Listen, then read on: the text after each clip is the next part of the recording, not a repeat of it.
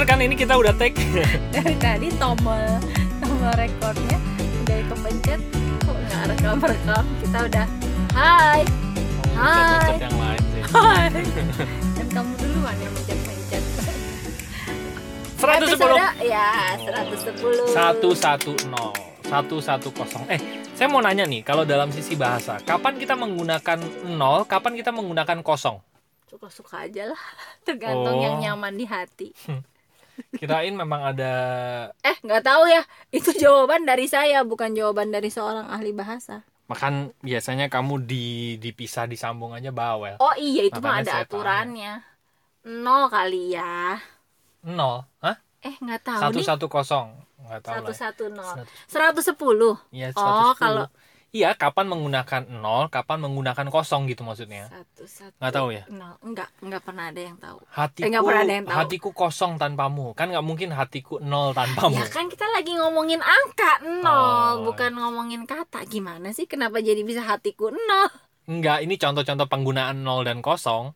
Sebetulnya Hmm. kan sama-sama nol. Ada yang bilang kosong. kalau nol kan angka Kalau kosong kan bisa juga kosong kosong. kosong itu bisa angka tapi juga bisa artinya nggak ada isinya itu kan Ya, juga memang kosong iya. Cuman kan ada orang bilang lawan berapa? ka- Kosong. lawan kata isi itu kosong nggak nggak ada lawan kata isi jadi nol Ya memang, makanya saya nanya kapan penggunaan nol dan kapan penggunaan kosong. Gitu, kan tinggal dijawab aja. ya kan kan Hmm. Ya pertanyaannya agak aneh. Saya pikir kan itu hanya tentang angka kan? Kenapa jadi hati jadi nol? Itu mah ya udah contoh, jelas-jelas kosong dong. Contoh tadi contoh. Ya, kita sudah menghabiskan dua menit tentang perdebatan antara nol dan kosong. lagian nggak nggak relevan gitu pertanyaan kamu itu. Nah, teman-teman, tiba-tiba gua baru saja sebelum podcast ini di take rekaman gitu ya, gue terpikirkan sebenarnya nggak baru aja sih, beberapa jam sebelumnya lah. Sama aja ya. gitu. Jadi gini, gua ada satu tema, judulnya itu merasa bertumbuh atau malah sedang terbunuh. Betul nggak sih? Tadi gua ngomong gitu nggak sih? iya benar Bener ya? Iya. Gitu. Nah, maksudnya apa gini? Gue gue pribadi mereview waktu gua masih usia 20-an lah ya. 20-an ya Umur sekarang sih 21. Bohong nambah dosa. gue diem aja ya Nah, waktu gue umur 20-an itu, gue merasa bahwa apa yang gue lakukan itu, gue merasa bahwa diri gue benar gitu ya. Gue sedang bertumbuh, gue sedang berkembang gitu. Tapi ada satu bagian, eh, ada satu apa ya namanya ya? Ada hal-hal yang sebetulnya gue sedang, sebetulnya kalau gue terusin hal itu, gue sebetulnya sedang dibunuh pelan-pelan gitu. Gue sedang terbunuh pelan-pelan. Cuman sering kali namanya darah muda kali ya darah muda darahnya para remaja tenonet gue hebat Tenonet. banget tuh bisa nyanyi lagu, lagu dangdut sekarang kamu ketularan saya iya padahal ya oke Nah, nah, lanjut darah namanya muda. darah muda itu sering kali apa yang dilakukan itu cenderung merasa benar gitu nah tapi kalau dipikir-pikir lagi apakah gue menyesal dengan melakukan hal-hal itu? Ada bagian-bagian yang gue menyesal kenapa melakukan itu. Tapi terus terang penyesalan gue adalah bukan penyesalan eh, penyesalan gue adalah begini. Sebetulnya kalau misalnya gue belajar dari pengalaman orang lain Ya. yang sebetulnya waktu zaman gue masih umur 20-an itu gue sudah dengerin eh gue udah baca buku tuh cukup banyak gitu ya. Gue dengerin Ya. kaset-kaset eh, motivasi kaset-kaset pembelajaran itu juga cukup banyak. Tapi namanya belum klik ya. Namanya belum kena rasanya itu tetap aja pengetahuan akan tetap menjadi sebuah pengetahuan gitu. Malah pengetahuannya bisa jadi belok gitu. Jadi pembenaran diri. Dimaknainya jadi Iya, benar. pembenaran diri. Benar. Terus diambil hanya bagian-bagian yang sifatnya mendukung. Ya Ya kan? S- eh, setelah gua review ya setelah gua umur sekarang lah ya umur 21 sekarang ini. Tetap kekeh loh. Gue udah tambah dosa nih dua kali kamu selama bohongnya konsisten belum- tapi Iya. bagus lah. Terus? Enggak. setelah gua nge-review di umur gua sekarang iya ya. Ternyata memang pengalaman orang lain itu lebih baik untuk kita pelajari dibanding kita merasakan sendiri gitu ya. Walaupun kata-kata itu udah udah udah sering kali di dikasih tahu gitu ya kan pengalaman adalah guru yang terbaik katanya begitu tapi pengalaman orang lain itu guru yang lebih baik sebetulnya Kalau menurut gue, kuncinya yang kita kurang waktu kita masih berdarah muda dulu adalah kuncinya kita Pengendalian diri. kurang kerendahan hati. Hmm, Kalau Iya, menurut iya. saya ya. Jadi kurang rendah hati untuk mau dengerin. Kurang Iya. rendah hati untuk mau terbuka pikirannya. Jadi kayak selalu menganggap gue yang paling tahu. ya Terus eh, nggak tahu ya, gue ada ada belajar banyak kok gitu dan gue juga tidak terjerumus dalam pergaulan-pergaulan yang kurang baik gitu kurang negatif Terus mungkin ada- justru karena gue nggak terjerumus jadinya gue ada semacam kesombongan anak muda yang menganggap bahwa pengetahuan gue tahu pengetahuan update-nya gitu Hmm. pengetahuan yang para orang tua tahu itu mungkin udah nggak sudah Nggak relevan, relevan, dengan iya. sekarang gitu jadi menganggap tunggu dulu anak muda menganggap kita itu lebih tahu daripada Hmm. orang tua lupa bahwa eh, selalu ada hal-hal yang tidak lekang oleh waktu ya kan dan Sebenarnya- oleh waktu.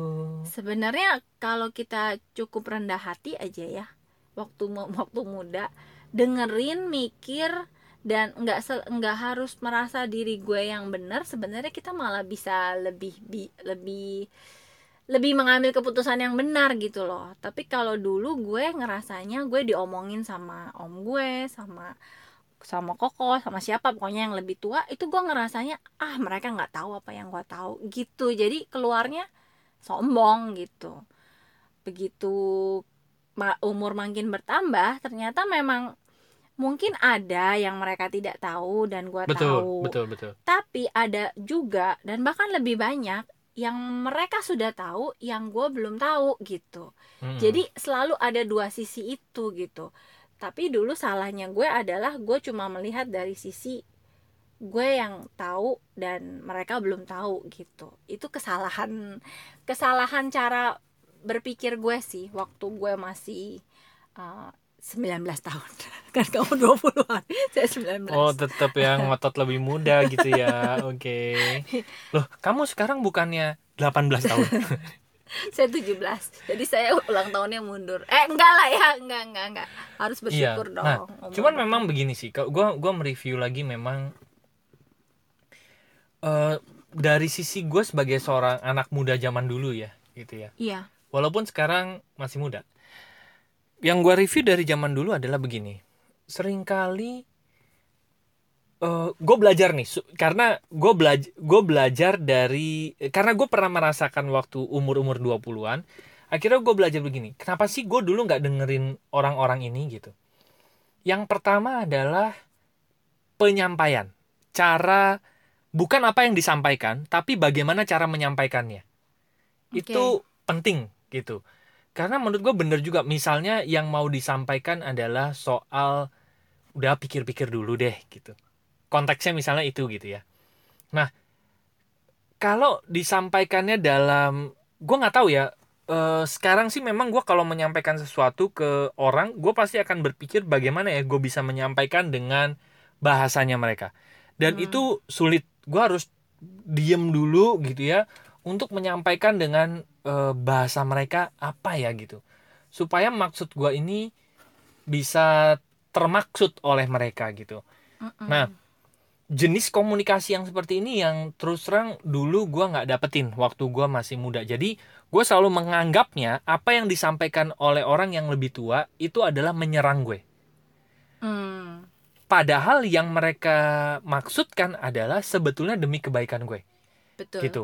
Nah, itu menurut gue sih bener-bener tergantung cara penyampaiannya. Yang kedua menurut gue, waktu gue masih muda, gue cenderung melihat siapa yang menyampaikan, bagaimana kehidupannya, gitu. Hmm, Nah, makanya gue terus terang eh gue tuh memang gue sama Rusi punya inilah ya punya dreams lah ya punya cita-cita. Memang mau nggak mau di konteks dunia sekarang orang itu melihat orang yang sukses diukurnya secara finansial. Ya nah makanya gue tuh gue punya dream sama sama Rusi tuh kenapa kit- kami perlu sukses secara finansial supaya bukan buat menyombongkan enggak gitu ya tapi buat supaya banyak orang sukses lebih cepat dibanding kami Ya, Gitu. supaya kami bisa membagikan pengalaman sakit jatuhnya eh, ke orang-orang dan eh, mereka mau mendengarkan gitu. benar Karena kalau kita cerita sekarang, biarpun apa yang kita omongin benar, tapi siapa lo gitu kan? Orang Iya. belum mungkin belum melihat eh, kami berdua sebagai sosok yang patut dipertimbangkan atau patut didengar omongannya. Jadi ya omongan sebagus apa pun ya akan berlalu begitu saja gitu Iya. kan? Nah, terus yang ke yang soal yang ini ya, gue pribadi merasa begini. Kalau dulu gue pengen sukses secara finansial itu memang dasarnya untuk bener-bener untuk sebuah pengakuan, untuk sebuah pembuktian gitu ya bahwa gue bisa loh, gue bisa lo kaya gitu. Hmm. Itu zaman dulu itu yang ada di dalam hati gue perasaan gue gitu ya. Sekarang perasaan itu sama sekali nggak ada gitu ya. Bener-bener perasaan itu sudah berubah jadi gue pengen sukses secara finansial supaya apa yang gue lewatin zaman dulu itu orang nggak lewati dan orang bisa jauh lebih cepat mencapai kesuksesan finansialnya itu di umur yang masih relatif muda Hmm. gitu itu sih gue merasa begitu ya waktu zaman gue umur 20-an itu itulah kesulitan gue kenapa gue sulit mendengarkan nasihat orang lain Hmm, Gitu. Kalau gue tadi Nggak tahu deh. setuju sih sama yang poin pertama, cara menyampaikannya sering kali kita merasa diserang. Atau Iya. nggak usah deh eh, dulu-dulu sekarang aja gue masih masih masih ke bawah tuh. Mungkin karena gue punya luka ini ya soal diatur ya. Hmm. Sampai sekarang kalau ada orang yang ngasih tahu gue tapi dengan cara penyampaian yang nggak masuk di gue, gue akan merasanya diserang dan bukannya dengerin, gue akan defense. Benar, dan benar. defense-nya itu yang benar-benar bisa langsung nutup blek bodoh gue nggak mau denger gitu kan. benar Padahal walaupun di depan people skill Padahal eh ya itu mungkin yang dia sampein benar tapi cuma karena gue nggak itu suka, loh, gue iya. nggak cocok dengan cara dia menyampaikan, gue bisa eh, langsung me- memutuskan gue nggak mau dengar gitu. Walaupun hanya sedikit sih orang yang kayak maksudnya yang masuk kategori itu ke gue gitu. Rata-rata sih gue akan dengerin dulu cocok nggak cocok ya nanti kan tinggal kalau yang nggak cocok ya nggak usah gue masukin kalau yang cocok baru gue simpen. Iya. tapi memang di waktu dulu muda itu benar gue cenderung selalu merasa diserang ketika orang menasehati gue. Iya. Gue cuma mikir iya ya benar juga kata Ari. Berarti sekarang gue jadi mikirnya ke anak ya. Benar Nah, gimana itu, caranya itu yang yang gue concernnya gitu. Kenapa ada podcast ini gitu? Gimana caranya someday nanti mereka kan juga akan bertumbuh jadi darah, darah muda, itu kan? kan. Roma Gimana- Irama iya. Roma Irama. Gimana caranya eh, di masa yang mungkin mereka harus eh, mengerti sendiri tentang kerendahan hati ya itu harus harus mereka yang dapetin kliknya. Tapi gimana caranya di di momen yang mereka belum rendah hati pun gue sama Ari bisa menyampaikan sesuatu kepada mereka dan mereka menerima itu bukan sebagai serangan bukan juga sesua- sebagai sesuatu yang akhirnya menimbulkan defense ya buat mereka. Nah itu PR ya gimana caranya. Iya. Tapi gue pikir ya dimulai dari hubungan yang deket dulu. Benar betul betul. Karena kalau orang udah hubungannya enak hubungannya deket eh, kita cenderung lebih terbuka lah hati telinga gitu Betul, ya betul. terhadap apa yang eh, orang-orang ini sampaikan dibanding orang yang mungkin nggak terlalu deket. Udah nggak terlalu deket cara nyampein yang nggak enak Mm-mm. nah udah. Itu bikin biasanya bete. Iya kita langsung mental.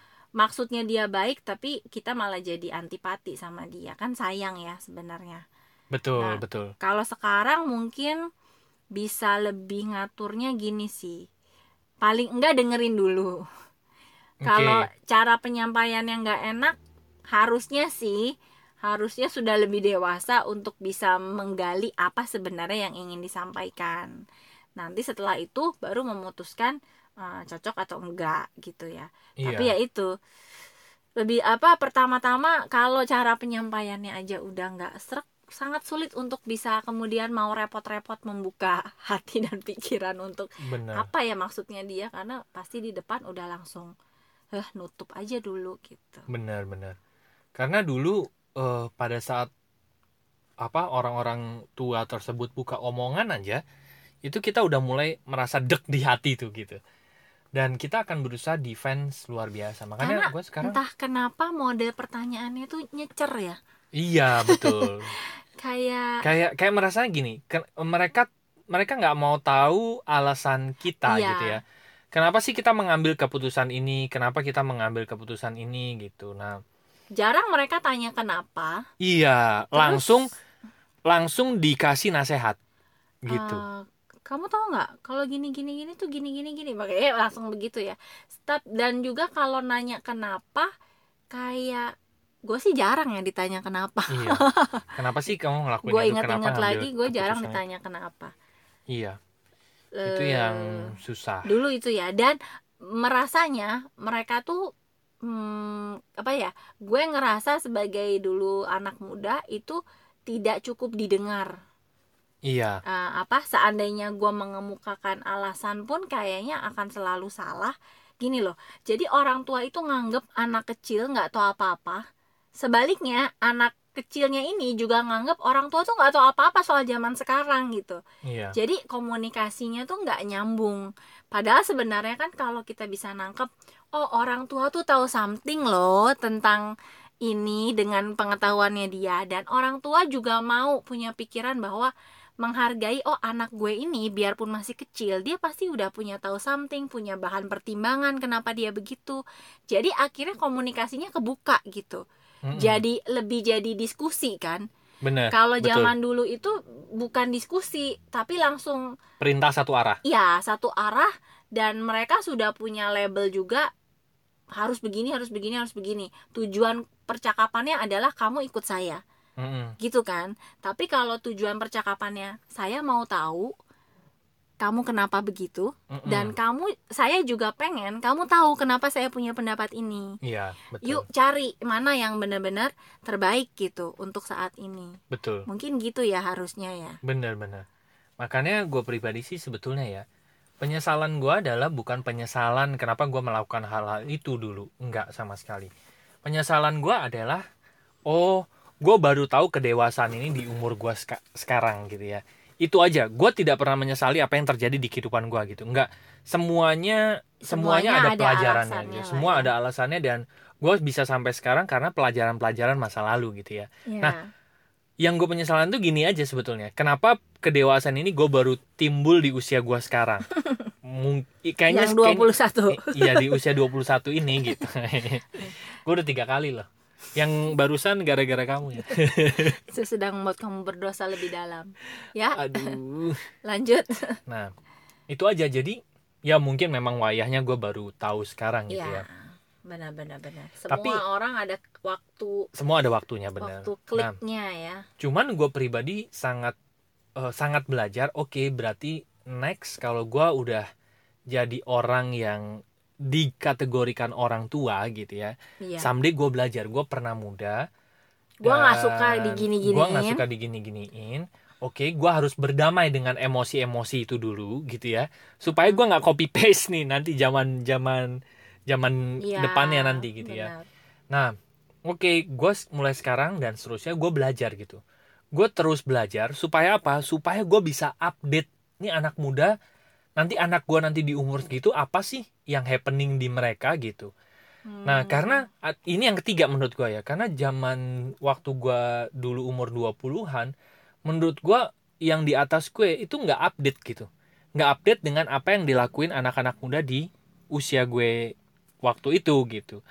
Nah, dampaknya adalah ya tadi adanya jurang komunikasi gitu. dan ada perasaan jadinya bahwa orang tua itu nggak tahu apa-apa soal Iya, betul. kehidupan sekarang karena Bener, kita ngelihatnya mereka nggak nggak update. bener, Jadi akhirnya kita menganggap mereka nggak tahu semuanya. betul. Padahal hanya sebagian yang mereka nggak tahu, tapi ada hal-hal yang mereka tahu dan itu sebenarnya bisa jadi nasihat yang bagus kan buat kita. Bener.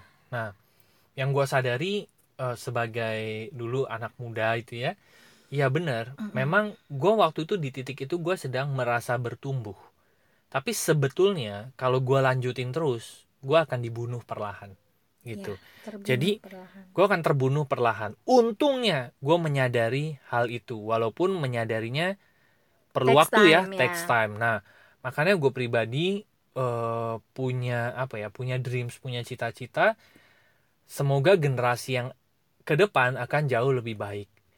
Ya. Alangkah lebih baik kalau misalnya mereka menjadi orang-orang yang berhasil di usia lebih dini gitu ya. Iya, Mereka mereka eh, belajar lebih awal. mereka bisa belajar lebih awal gitu ya di usia 20-an aja mereka sudah menyadari kesadaran mungkin di usia gua sekarang gitu ya Iya. itu jauh lebih menyenangkan kan gitu dan gue sih berharap mungkin nanti Liel dan Adele mengalami itu lebih cepat gitu ya karena kan ini cuman sebetulnya menurut gua ini cuman masalah klik dirasa aja gitu klik dirasa itu di usia berapa itu aja sih sebetulnya Oke. Gua nggak heran kenapa banyak anak-anak muda yang berhasil. Mungkin mereka sudah mengubah rasanya di usia itu gitu. Karena Ya. makanya tua itu tua itu pasti, dewasa itu pilihan katanya gitu kan. Hmm. Nah, mungkin orang menjadi dewasa di usia mungkin 20-an karena mereka sudah merasakan nih rasanya itu udah rasa yang gue rasakan di usia gua sekarang ini dan yang mereka rasakan di teman-teman rasakan di usia 20 mungkin udah sama. Makanya hasilnya akan mirip-mirip gitu. Jadi gue sih punya dreams tadi balik lagi gitu ya. Eh, punya dreams mencetak generasi yang lebih baik nggak cuman anak gue Liel dan Adele gitu gue sih berharap mulai dari anak-anak Indonesia Anak-anak gitu muda, ya iya. anak-anak muda punya punya eh, punya bi- gue bisa menularkan rasa ini di usia mereka yang eh, lebih muda gitu. Ya. mungkin mungkin zaman dulu gue nggak ketemu mentor yang mentor yang menularkan perasaan yang tepat ini. Mungkin mungkin ya gue nggak tahu gitu ya. Karena setahu gue dulu mentor-mentor gue juga ngasih taunya hal-hal yang membuat gue Tersesat.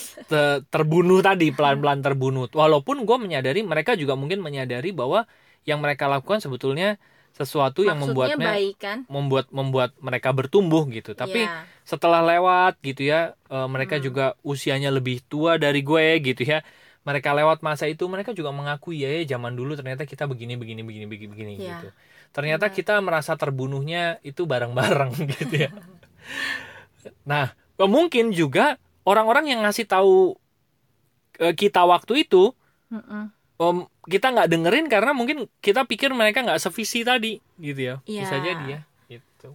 Sebenarnya sih kan eh, yang penting itu gini eh yang penting itu mau dengerin aja dulu gitu. Dulu kesalahan gue adalah memang seandainya gue dengerin pun gue mungkin nggak akan terima eh, bulat-bulat gitu kan apa yang dikasih ke gue. Tapi setidaknya dibanding gue menutup pikiran menutup hati gue kan jadi bener-bener nggak dapet apa-apa kan. Akhirnya gue jalan dengan apa yang gue tahu gitu.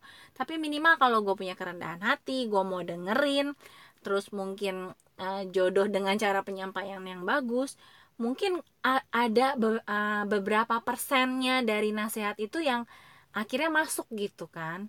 Iya. Dibanding yang tadi dibanding dulu tuh bener-bener kayaknya semua nasihat itu jarang yang gue dengerin gitu. Bener jadi eh, walaupun ya itu tadi biarpun nggak semuanya tapi pasti ada satu dua tiga nasihat yang harusnya bisa berguna gitu buat gue. Bener betul betul betul. Pasti jadi gitu. Betul. Jadi gue sih sekarang ini masih gue review sampai sekarang gitu ya.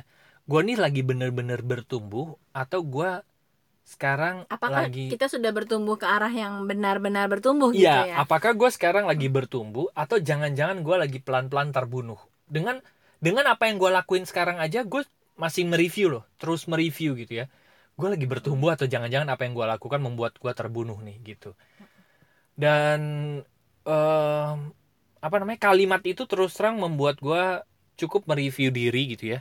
Uh, semoga sih apa yang gue lakuin sekarang bisa membuat uh, gue terus bertumbuh gitu. Ya. Nah makanya gue setuju waktu uh, teman gue tuh bilang bahwa satu perpaduan yang menarik dari dunia bisnis adalah ketika pengalaman orang-orang yang tua disandingkan dengan eh, apa namanya ya gairah-gairah muda para or- anak-anak muda gitu ya. Ya. Pada saat orang bisa ketemu titik tengahnya nih itu menjadi sinergi yang begitu luar biasa gitu. Ya hebat benar. banget gitu ya. Dulu salah satu mentor gue ngasih tagline tuh bagus when lifetime experience meet teknologi gitu ya. Itu itu menurut gue bagus banget tuh Benar, jadi ini benar, perpaduan antara anak muda dengan pengalaman orang yang sudah eh, senior lah ya gitu. Nah Iya. makanya perusahaan-perusahaan yang sekarang settle gitu ya itu adalah perpaduan antara pengalaman dengan benar. kemajuan teknologi. dengan dobrakan-dobrakan anak muda gitu. Iya. Makanya perusahaan-perusahaan startup sekarang itu selalu menggabungkan orang-orang tua juga gitu ya. Nggak semuanya anak-anak muda tapi selalu minta ada dewan penasehatnya gitu ya. iya benar Karena itu satu sinergi yang sangat menarik sebetulnya. Gitu. betul betul saling melengkapi yang Iya. muda mungkin belum punya pengalaman sepanjang yang tua Benar. yang tua mungkin belum cukup cepat untuk mengupdate dengan eh, kemajuan gaya zaman sekarang gitu bener kan. bener bener. Jadi yang muda lagi yang muda lagi getol-getolnya berkarya gitu ya. Mm-mm. Nah, yang muda ini eh yang tua ini punya pengalaman dan itu disinergikan. Gue sih berharap gerakan yang mau gue launching dalam waktu dekat ini bisa ada sinergi antara yang muda dan tua ya sih. selain mengkolaborasikan berbagai eh, Warna? warna juga mengkolaborasikan Kolaborasikan berbagai, usia. ya Wih. gitu. Yang muda dan tua. Yes, Wih. yes, yes, yes, Jadi yes. semuanya nanti lengkap ada di sana gitu. betul Sedikit Ya. review aja dari gue sih. Jadi eh buat mungkin yang masih merasa lagi di ada di fase darah muda darah mungkin- tua juga perlu loh tetap karena Ya. sering kali kita nggak sadar apakah Bener kita sih. yang sedang berjalan sekarang ini atau sedang berlari sekarang ini lagi bener-bener bertumbuh atau jangan-jangan lagi pelan-pelan terbunuh Benar, tapi maksud gue paling enggak di usia sekarang ini kan kayak eh, gue sih kayak udah mulai lebih terbuka dan mau dengerin orang. iya iya iya benar. Tapi kalau lebih kalem eh, ya dari tapi kalau gue perhatiin memang orang-orang muda itu yang eh, mereka jauh lebih punya rasa merasa benar, merasa paling tahu gitu ya. Jadi Iya. eh, kurang rendah hati gitu. Walaupun mungkin ya memang pengetahuan mereka tuh udah jauh lebih hebat gitu dibanding eh, generasi yang di atasnya. Tapi kalau kita mau mendengarkan, pasti ada satu dua tiga poin yang akan sangat bermanfaat untuk kita dan itu bisa akan sangat menguntungkan gitu. betul. Entah mempersingkat waktu perjalanan kita, memperkecil error kita gitu. Betul betul. Selalu ada yang baik ketika kita mau mendengarkan. Walaupun ujung-ujungnya nanti kita juga yang akan menyaring mana yang bisa kita ambil mana yang enggak. Tapi paling enggak tampung aja dulu gitu. Benar. Dan juga ingat satu hal juga gue juga baru menyadari bahwa semuanya tentang rasa. Ya. Dan itu yang dulu gua nggak dapat pelajarannya. Gue Oh, cuma iya. dulu berpikir bahwa oke gue bisa berhasil itu gara-gara gue selalu punya ide yang uh, 10 step ahead makan gitu ya. Orang yang belum kepikiran gue udah kepikiran gue udah jalanin gue pikir gue bisa berhasil. Tapi satu hal lagi ide yang bagus tidak dibarengi dengan rasa yang selaras dengan semesta ini juga bisa berantakan luar biasa gitu. Karena Iya. Menjaga rasa itu permainan yang sangat sangat sangat membutuhkan pengalaman menurut gue. Betul betul Gitu, dan- sekali. dan ini faktor yang sangat menentukan sekali keberhasilan selain pengetahuan selain skill dan lain sebagainya. Ya. Rasa karena kita berhubungan dengan vibrasi semesta gitu ya dan vibrasi semesta ini menangkapnya adalah getaran rasa kita gitu. Yes pengetahuan dan lain sebagainya itu dikumpulin hanya 5% mungkin gitu ya. Sedangkan rasa itu me- mengolah apa me- apa ya mempengaruhi sampai 95% gitu. Oke. Jadi itu yang benar-benar eh, perlu disinergikan ya. Seringkali Benar. eh, darah muda ini mengabaikan soal rasa. Padahal rasa ini wow menarik Ya. sekali gitu dampak untuk Benar-benar. keberhasilannya gitu. semua tentang rasa sebetulnya. Bener sekali. Oke. Ya semoga episode berapa ini? 110 110 Gua lupa. ya Iya. episode 110 ini eh, bisa bermanfaat lah ya. Ya gitu ya. Betul betul betul. Dan bagi teman-teman yang masih ingin ngobrol panjang lebar bareng kami silahkan masuk ke website kami yaitu lompatanhidup.com. Nanti ada tiga page di sana, silakan eh, klik aja yang sesuai dengan kebutuhan Anda. Page home untuk Ya. ada layanan chit chat gitu ya, silakan mau tanya apa pun kepada kami, silakan di sana ada ta- tombol tombol-tombol podcast kami juga. Yang kedua untuk layanan jasa profesional kami untuk konseling dan event dan juga yang ketiga untuk berbisnis bareng kami gitu ya, ada Ya. di page bisnis nanti dan juga ada Oke. mentoring dari lompatan hidup dan berserta pergerakan yang akan launching sebentar lagi. Ya. Dan saya excited sekali menunggu pergerakan ini launching gitu karena akan sangat menarik sekali gitu. Yeay. Semua orang bisa jadi founder di pergerakan itu. Ya, Iya, ada karena nggak ada yang punya lah ya. Nggak ada yang punya Itu gitu ya, bukan punya, gue, bareng-bareng. ya, punya bareng-bareng. Kalau lompatan hidup mungkin punya gue, gitu punyanya kami berdua. Iya. Tapi kalau yang Pergerakan ini movement ini kita akan bangun bareng-bareng. lo bisa Tidak pasang ada gitu ya, lo foundernya pergerakan ini boleh juga gitu ya. Atau kalau gua mau menulis gua penggerak dari Boleh. Ya kalau karena semua lo- yang menggerakkan kan. Iya bener. Kalau lompatan hidup gue bisa tulis gue founder dari lompatan hidup. Tapi kalau yang ini gue tulis gue sebagai penggerak Ya, kita akan bergerak bersama. sama-sama. Yeay. Oke, terima kasih sudah mendengarkan podcast episode 110 ini. 110. Semoga bermanfaat ya. Dan sampai jumpa di episode berikutnya. Thank you. Bye bye. Bye bye, see you.